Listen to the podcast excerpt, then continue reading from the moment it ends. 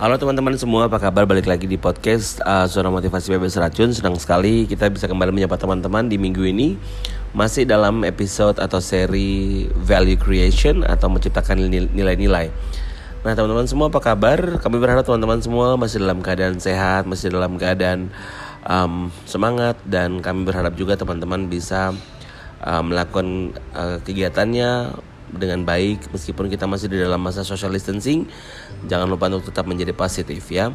Nah teman-teman uh, topik yang kali ini mau saya bagikan adalah tentang the power of kindness atau kekuatan sebuah kebaikan. Saya mulai dengan mengutip sebuah kutipan yang sangat saya suka sampai hari ini yaitu dari Grand Fredly. Dia bilang begini yang berasal dari hati pasti akan sampai ke hati. Um, dan kalimat ini selalu menjadi apa ya kayak terngiang-ngiang di dari di dalam benak saya ketika hendak melakukan sesuatu untuk uh, orang lain ataupun melakukan karya-karya yang sudah dilakukan yaitu datangnya dari hati karena pasti akan sampai ke hati. Nah berbicara tentang uh, sampai ke hati teman-teman, kebaikan pun uh, memiliki hal yang sama. Kita uh, kebaikan itu merupakan hal-hal kecil yang bisa kita lakukan untuk memberkati orang lain, untuk menginspirasi orang orang lain dan juga untuk menolong orang lain. Nah, di sini saya akan membagikan beberapa hal-hal kayak seperti mari kita tergerak untuk melakukan sebuah kebaikan. Gitu karena biasanya uh, salah satu pendorong yang membuat kita mau melakukan hal baik adalah hati yang tergerak oleh belas kasihan. Nah, untuk itu kali ini saya mau bagi beberapa hal yang terkait dengan uh, the power of kindness atau kekuatan melakukan sebuah ke kebaikan. Yang pertama bagaimana kita tahu kita tahu bahwa hati kita itu digerakkan. Yang pertama adalah adanya kesadaran. Nah, akan ada sebuah kesadaran bahwa apa yang diperlukan orang lain itu ada pada kita. Jika kesadaran itu timbul, jangan diabaikan, sebab biasanya itu adalah kesadaran yang tulus, kesadaran yang ikhlas. Dan ketika kita membantu orang lain, kita punya kayak human connection, emotional connection dengan orang lain, itu adalah hubungan yang yang jujur gitu. Jadi teman-teman melakukan hal baik pun biasanya kalau dari hati itu akan sangat jujur jatuh-jatuhnya begitu ya. Nah kemudian juga uh, kita bisa mulai melakukan kebaikan itu dari hal-hal yang kecil, misalkan mengucapkan terima kasih begitu. Ini hal yang sederhana yang kadang-kadang kita um, kadang saking kita enjoy something kita lupa untuk mengucapkan terima kasih. Tetapi bolehkah mulai sekarang kita belajar untuk mengucapkan terima kasih? Karena ingat teman-teman yang tadi saya bilang yang pertama bahwa kita punya kesadaran. Bahwa ketika kita mengucapkan terima kasih ada orang lain yang merasa bahwa mereka diapresiasi ada orang lain yang merasa bahwa mereka dihargai dengan apa yang mereka kerjakan. Untuk itu sekecil apa pun hal yang kita terima dari orang lain marilah kita berusaha untuk mengucapkan terima kasih yang berasal dari hati. Karena tadi seperti yang saya sampaikan bahwa yang berasal berasal dari hati akan sampai ke hati. Nah, yang kedua adalah adanya damai sejahtera atau peace in your heart. Nah, ketika kesadaran itu bercampur dengan rasa damai di hati, pasti kita mau melakukan uh, kebaikan yang lebih lagi karena biasanya ketika kita melakukan kebaikan ada dorongan untuk melakukan uh, kebaikan yang satu kepada kebaikan yang lain gitu. Karena apa? Kita merasa ada adanya damai sejahtera di hati kita. Kita merasa adanya kepuasan tersendiri, kita merasa adanya kebaikan kebahagiaan tersendiri. Terlebih ketika orang yang kita tolong itu tersenyum, orang yang kita tolong itu merasa terbantu dengan benar-benar apa yang mereka butuhkan begitu teman-teman dan belajar untuk apa namanya membantu orang lain dan membuat kita menjadi orang ada damai sejahtera ini biasa akan mendorong kita untuk terus menerus mau melakukan kebaikan-kebaikan yang lainnya. Untuk itu teman-teman kalau memang teman-teman merasa digerakkan oleh sesuatu untuk melakukan kebaikan mari lakukan kebaikan. Jangan dan jangan menunggu hal yang besar. Mulailah dari hal-hal yang sederhana yang mampu kita lakukan. Nah kemudian teman-teman saya membagikan sini uh, ada tujuh kelompok perbuatan yang baik. Eh, di sini ditulis oleh Pastor Philip Mantova. Yang ini yang mau saya kutip di podcast kali ini. Yang pertama adalah menolong dengan segera. Ada orang-orang yang membutuhkan uh, pertolongan dengan cepat tanggap dalam uh, berbuat baik. Untuk itu jadilah orang pertama yang meresponi orang lain dalam kesusahannya dengan perbuatan yang nyata gitu. Teman-teman, saya pernah punya pengalaman sebuah kejadian waktu itu saya masih sekitar baru-baru mulai kuliah saya pergi berenang saya pergi berenang dan itu tempat tempat renang yang kami pergi dengan teman-teman itu cukup ramai. Nah tiba-tiba dari di tengah-tengah kerumunan itu ada satu orang anak yang tidak bisa berenang dan dia hampir tenggelam dan tidak ada orang yang melihat dia. Saya langsung dengan segera lompat ke dalam air dan menolong anak tersebut dan bawa dia ke darat ke ke pinggir kolam anak itu kemudian menangis dan duduk dengan penuh ketakutan waktu itu. Kemudian saya bilang gini adikku tidak apa-apa? Gitu. Kakak terus bilang kakak tidak apa-apa. Terus akhirnya saya bilang ya sudah kalau gitu sekarang kau mandi kemudian ganti baju terus tunggu sudah. Nah beberapa tahun kemudian itu anak itu masih masih kecil saya ingat sekali mereka masih SD beberapa tahun kemudian saya bawa acara di sebuah sekolah di Jayapura. Kemudian ada anak yang dia dari awal saya datang tuh dia ngikutin saya terus ke mana saya pergi dia ikutin ikutin sampai satu saat karena saya sibuk dengan acara. Sampai kemudian saya ada waktu untuk sedikit break saya cuma sedang minum air terus ada seorang anak SMA yang datang. Halo kap Kapici apa kabar? Terus saya eh oh halo bagaimana adik? Dia pegang tangan saya dia punya mata kemudian kaca-kaca dan dia menangis.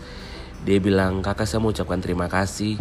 Waktu itu kalau kakak tidak tolong saya saya tidak tahu sekarang apakah saya masih bisa sekolah atau tidak.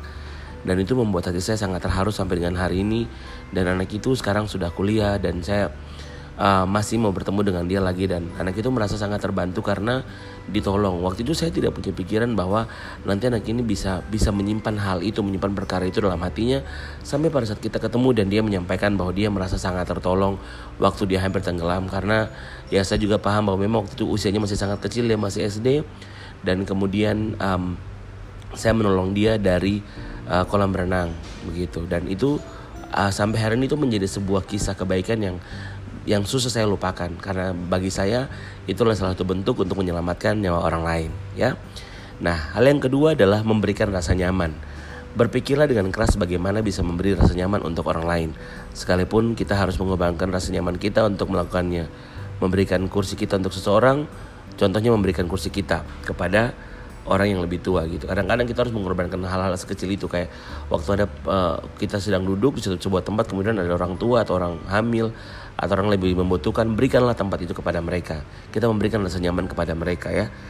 Sekali lagi kita mulai dari hal-hal yang kecil dan ini bisa menjadi sebuah kesan yang baik untuk orang lain ya teman-teman. Jadi berilah rasa nyaman. Kemudian kelompok kelompok yang ketiga adalah memfasilitasi kebutuhan orang lain. Nah, kita bisa memfasilitasi kebutuhan orang, memfasilitasi orang yang sedang membutuhkan sesuatu dalam bentuk barang karena pemberian fasilitas yang merupakan bahasa kasih. Nah, contohnya kita uh, apa namanya antar pulang teman, kita apa menemani teman ataupun kita memfasilitasi untuk bertemu dengan seseorang. Itu bagian-bagian kebaikan yang memang um, penting untuk kita lakukan jadi dalam rangka memfasilitasi. Mungkin kita pada saat orang lain membutuhkan pertolongan kita tidak bisa langsung memberikan pertolongan kepada seseorang. Tetapi pada saat yang bersamaan kita bisa membantu mereka untuk mendapatkan pertolongan yang lain. Ini juga merupakan sebuah bentuk kebaikan yang harus kita sadari ya bahwa ketika kita menolong orang lain kita tidak melulu harus memberikan bantuan tapi kita bisa menjadi jembatan untuk orang lain mendapatkan pertolongan uh, pertolongan dan itu bisa menjadi sebuah kesan tindakan kebaikan yang bisa kita lakukan ya. Nah, kemudian mengkoneksi sesuai keperluan. Jadilah jembatan untuk kepentingan orang lain jika seorang sedang memerlukan sesuatu. Kita mungkin tidak punya yang dibutuhkannya, tetapi kita tahu orang lain yang bisa menjadi jawabannya. Jadilah tempat jembatan dan mempertemukan orang lain dan meringankan beban sesama. Ini merupakan hal kebaikan yang bisa kita lakukan ya. Kemudian hal yang kelima adalah menolong dalam jangka panjang.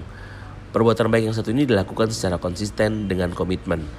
Adalah murah dan mudah kalau kita hanya menolong sesaat saja, tetapi beberapa orang harus membantu dalam kurun waktu tertentu. Contohnya ada orang-orang tertentu, pejabat begitu, mereka berkomitmen untuk membiayai sekolah seseorang, sekolah seorang anak. Ada orang-orang yang di beberapa yayasan besar ada orang-orang yang berkomitmen untuk memberikan donasi kepada pendidikan anak asuhnya di kampung, anak asuhnya di daerah-daerah terpencil. Itu merupakan pertolongan yang jangka panjang gitu. Dan saya melihat ada beberapa apa namanya orang yang berkomitmen untuk memberikan bantuan pendanaan sekolah bagi anak-anak di pedesaan itu banyak sekali. Dan anak anak-anak di pedesaan itu sampai hari ini ada banyak dari antara mereka yang sudah menjadi orang-orang yang berhasil karena adanya pertolongan orang lain gitu teman-teman ya. Um, dan kebanyakan dari mereka pun pernah mengalami ditolong oleh orang lain. Itulah sebabnya mereka juga mau menolong orang lain dan mereka pun mau merasakan kebahagiaan yang sama dengan orang yang menolong mereka sekaligus mereka mau bahwa ada orang lain yang mengalami kebaikan yang pernah mereka alami, kebaikan yang pernah mereka rasakan sepanjang hidup mereka. Untuk itu teman-teman kalau kita punya kemampuan yang lebih, mari jangan bantu, jangan uh, apa namanya, mari kita mencoba untuk bisa membantu dalam jangka waktu yang lebih panjang. ya. Kemudian ada juga uh, kelompok yang lain yaitu memberi dana. Berbuat baik terhadap uh, sesama hampir selalu melibatkan sebuah tindakan memberi. Orang yang murah hati dan suka memberi selalu akan dikenang di, di, per, dikenang oleh Tuhan dan dikenang oleh sesamanya. Namun demikian, jangan sembrono atau gegabah. Mintalah tuntunan. Kalau misalkan kita mau memberikan bantuan dana, ah, ini cukup penting tidak semua kebaikan harus kita lakukan begitu saja tetapi kita harus punya tuntunan kita harus punya teman untuk sharing. Kalau memang karena uh, perkara uang sendiri ini biasanya sangat sensitif dan bisa merubah hubungan. Ada pepatah yang bilang bahwa uang itu adalah hamba yang baik namun dia tuan yang jahat. Ada juga yang bilang uang itu bisa merusak hubungan teman gitu. Tapi dalam hal memberi tidak bisa kita pungkiri bahwa ada banyak sekali orang-orang yang membutuhkan pertolongan dana yang yang mesti kita bantu. Tetapi ingat khusus dalam hal ini kita perlu untuk tuntunan kita perlu untuk memberikan pertimbangan yang matang ketika kita mau memberikan pertolongan dalam hal ini. Oke? Okay? nah hal yang ketujuh adalah kita harus belajar menanggung kerugian orang lain ya. Siap menanggung kerugian secara bijaksana. Yang ketujuh adalah siap menanggung kerugian secara bijaksana kita harus belajar menanggung kerugian orang lain, tetapi juga dengan cermat dan jeli supaya kita sendiri tidak jatuh dan tertipu atau kita tidak menjadi rugi karena kita berbuat baik. Uh, setelah kita menguji dan memilah dengan hati-hati dan hati ini tetap memanggil dan tergerak oleh belas kasihan, maka bantulah gitu. Ada banyak orang-orang yang kemudian tidak uh, apa namanya tidak siap dengan risiko kerugian yang akan dialami ketika melakukan kebaikan karena kurangnya pertimbangan, kurangnya uh, kayak kurang wise dalam memberikan pertolongan sehingga ketika ketika mereka mengalami kerugian mereka akan cenderung me, uh, menyalahkan orang uh, menyalahkan orang lain dan menyalahkan bahwa kenapa saya harus berbuat uh, berbuat baik kalau berbuat, berbuat baik itu ternyata merugikan.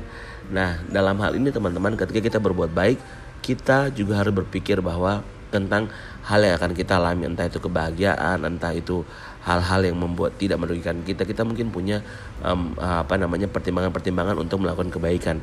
Memang ada apa namanya kepuasan kebahagiaan tersendiri. Tapi ingat teman-teman sekali lagi perbuatan baik yang lahir dari hati akan kembali kepada hati dalam bentuk kebahagiaan dan kepuasan. Oke teman-teman jadi orang yang hidup oleh iman tidak terpengaruh oleh keadaan. Tetapi yang hatinya percaya akan teguh berdiri dan menjadi pengaruh sekalipun dalam keadaan yang menghimpitnya Teruslah berbuat baik karena dengan kebaikan kita akan ada orang yang mengalami perubahan hidup. Dengan kebaikan kita akan ada orang yang terus menjadi baik dan juga menularkan kebaikan kepada orang-orang lain. Nah teman-teman demikian podcast dari saya untuk kali ini. Semoga kita terus menjadi orang-orang yang baik, mempunyai hati yang baik. Dimulai dari hal-hal yang kecil. Karena sekali lagi apa yang dari hati akan sampai ke hati. Terima kasih.